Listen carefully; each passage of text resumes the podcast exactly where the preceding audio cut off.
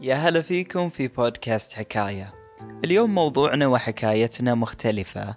لن نستمع لحكاية شخصية وإنما سنستمع لحكاية اختراع غير مجرى البشرية حسب الإحصائيات والدلائل. حكايتنا اليوم عن موضوع العصر والساعة. حكايتنا عن اللقاح. يا مرحبا فيكم. خلوني أقول لكم حكايتي. أنا ريال عود ترى مضى على وجودي الكثير من الوقت. تقريبا صار لي أكثر من ألف سنة بينكم بأسماء مختلفة ولكن بنفس الدور. في كل مرة أنقذكم في كل مرة تقومون علي. لكن شو نسوي؟ الشجرة المثمرة دائما ما ترمى بالحجارة. استخدمني الصينيون قبل أكثر من ألف سنة كما استخدمني الأتراك والفرس كذلك. وأما في بريطانيا وبالتحديد في العام 1721 تعلمت سيدة بريطانية اسمها ماري التلقيح ضد الجدري من الأتراك وأمرت أحد الأطباء بتلقيح ابنتها وبالفعل نجح اللقاح عليها وبدأ بالانتشار ولكن هذا لم يمنع معارضة الناس وتهويلهم وتخويفهم مني. أنا اللقاح. فما هذا الشيء اللي بيحمينا من مرض فتك بالدنيا واستدلوا على ذلك بوفاة ثلاثة بالمئة فقط من الملقحين ووفاتهم كانت أيضا لأسباب مجهولة وتقال أنها غير متعلقة بي.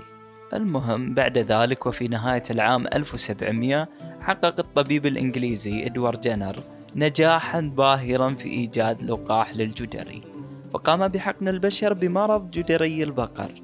والذي تبين قدرته على الشفاء من مرض الجدري. وأما في نهاية العام 1800 فقد نجح العالم الفرنسي لويس باستور في إنتاج أول لقاح مصنع مخبريا أي مصنع في مختبر طبي وقد كان لقاح لمرض كوليرا الدجاج. وفي نفس الفترة والتي شهدت العديد من الأمراض والأوبئة والعياذ بالله قام العالم الألماني كوخ بعمل دراسات هامة حول مرض السل والتي استخدمت بعد ذلك لإيجاد لقاح له. وأيضا قام العالم الإسباني فاران بإيجاد لقاح للكوليرا ولكن لم يتم التأكد من نجاحه بشكل كامل ولم تتوقف الدراسات والبحوث.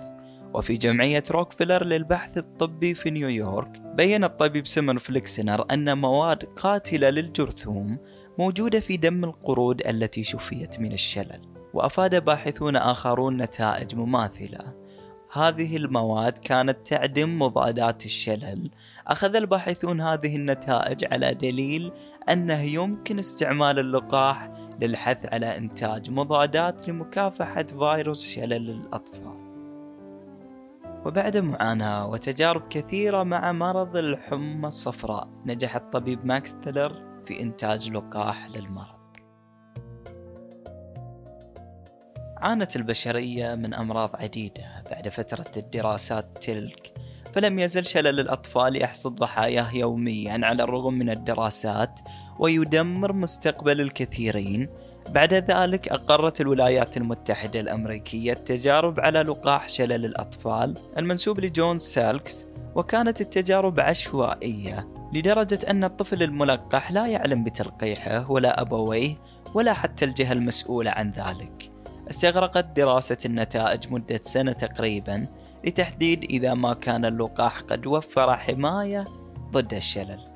ومن ثم أوصي في الولايات المتحدة بترخيص لقاح شلل الأطفال المنسوب إلى ألبرت سابن وتتالت الترخيصات في الستينات والسبعينات بلقاح الحصبة ومرض السحائية وثم أعلنت منظمة الصحة العالمية عن إرادتها في تحصين الأطفال عالميا بالشروع في برنامج موسم التلقيح وكانت الأمراض المستهدفة في بداية البرنامج هي الدفتيريا الحصبة شلل الأطفال السل الكزاز والسعال الديكي منذ بدايته استهدف البرنامج الموسع لتلقيح عددا أكبر من الأمراض ولعب دورا مهما في وقاية الملايين من الموت. وبعد موسم التلقيحات وتطورها بدأت الأمراض والأوبئة التي أرقت البشرية في الانحسار والاختفاء. فوقعت آخر حالة شديدة من الجدري في بنغلاديش وآخر حالة صغرى في الصومال وكلتاهما في نهاية ومنتصف السبعينات الميلادية. وأعلن استئصال شلل الأطفال في أمريكا وفي مناطق كثيرة حول العالم وأصبح العالم فخورا به.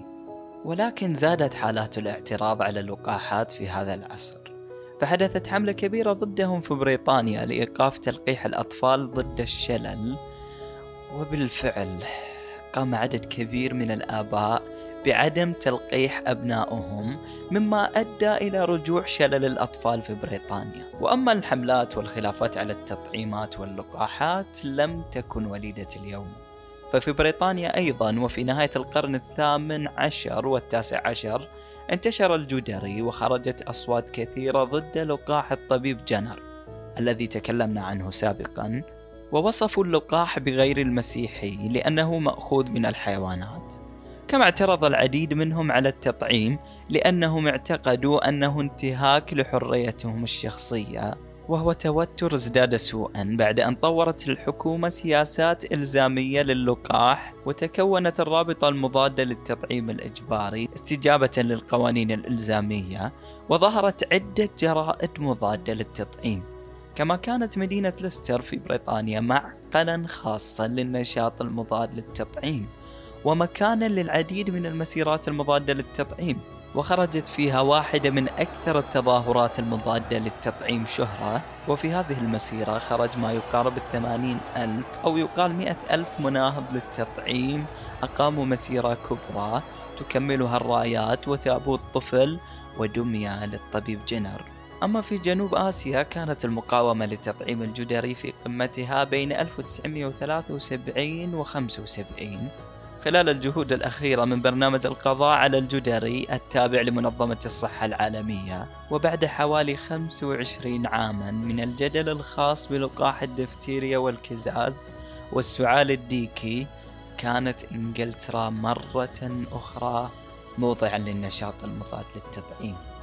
وهذه المرة بخصوص لقاح الحصبة والنكاف والروبل فخرج أحد الأطباء يدعى ويكفيلد بقوله أن اللقاح لم يخضع لاختبارات ملائمة قبل طرحه للاستخدام. واستغلت وسائل الإعلام هذا التصريح وبثت الهلع بين الناس ومن ثم تم اكتشاف كذب الطبيب وتلقيه مبالغ مادية مقابل تصريحاته وسحبت رخصته.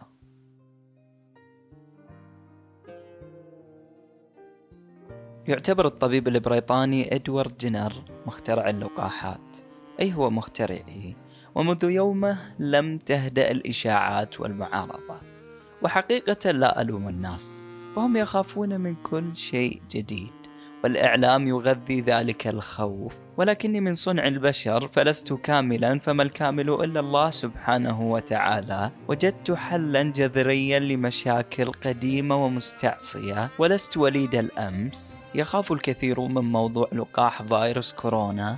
والذي عصف بكم في آخر فترة.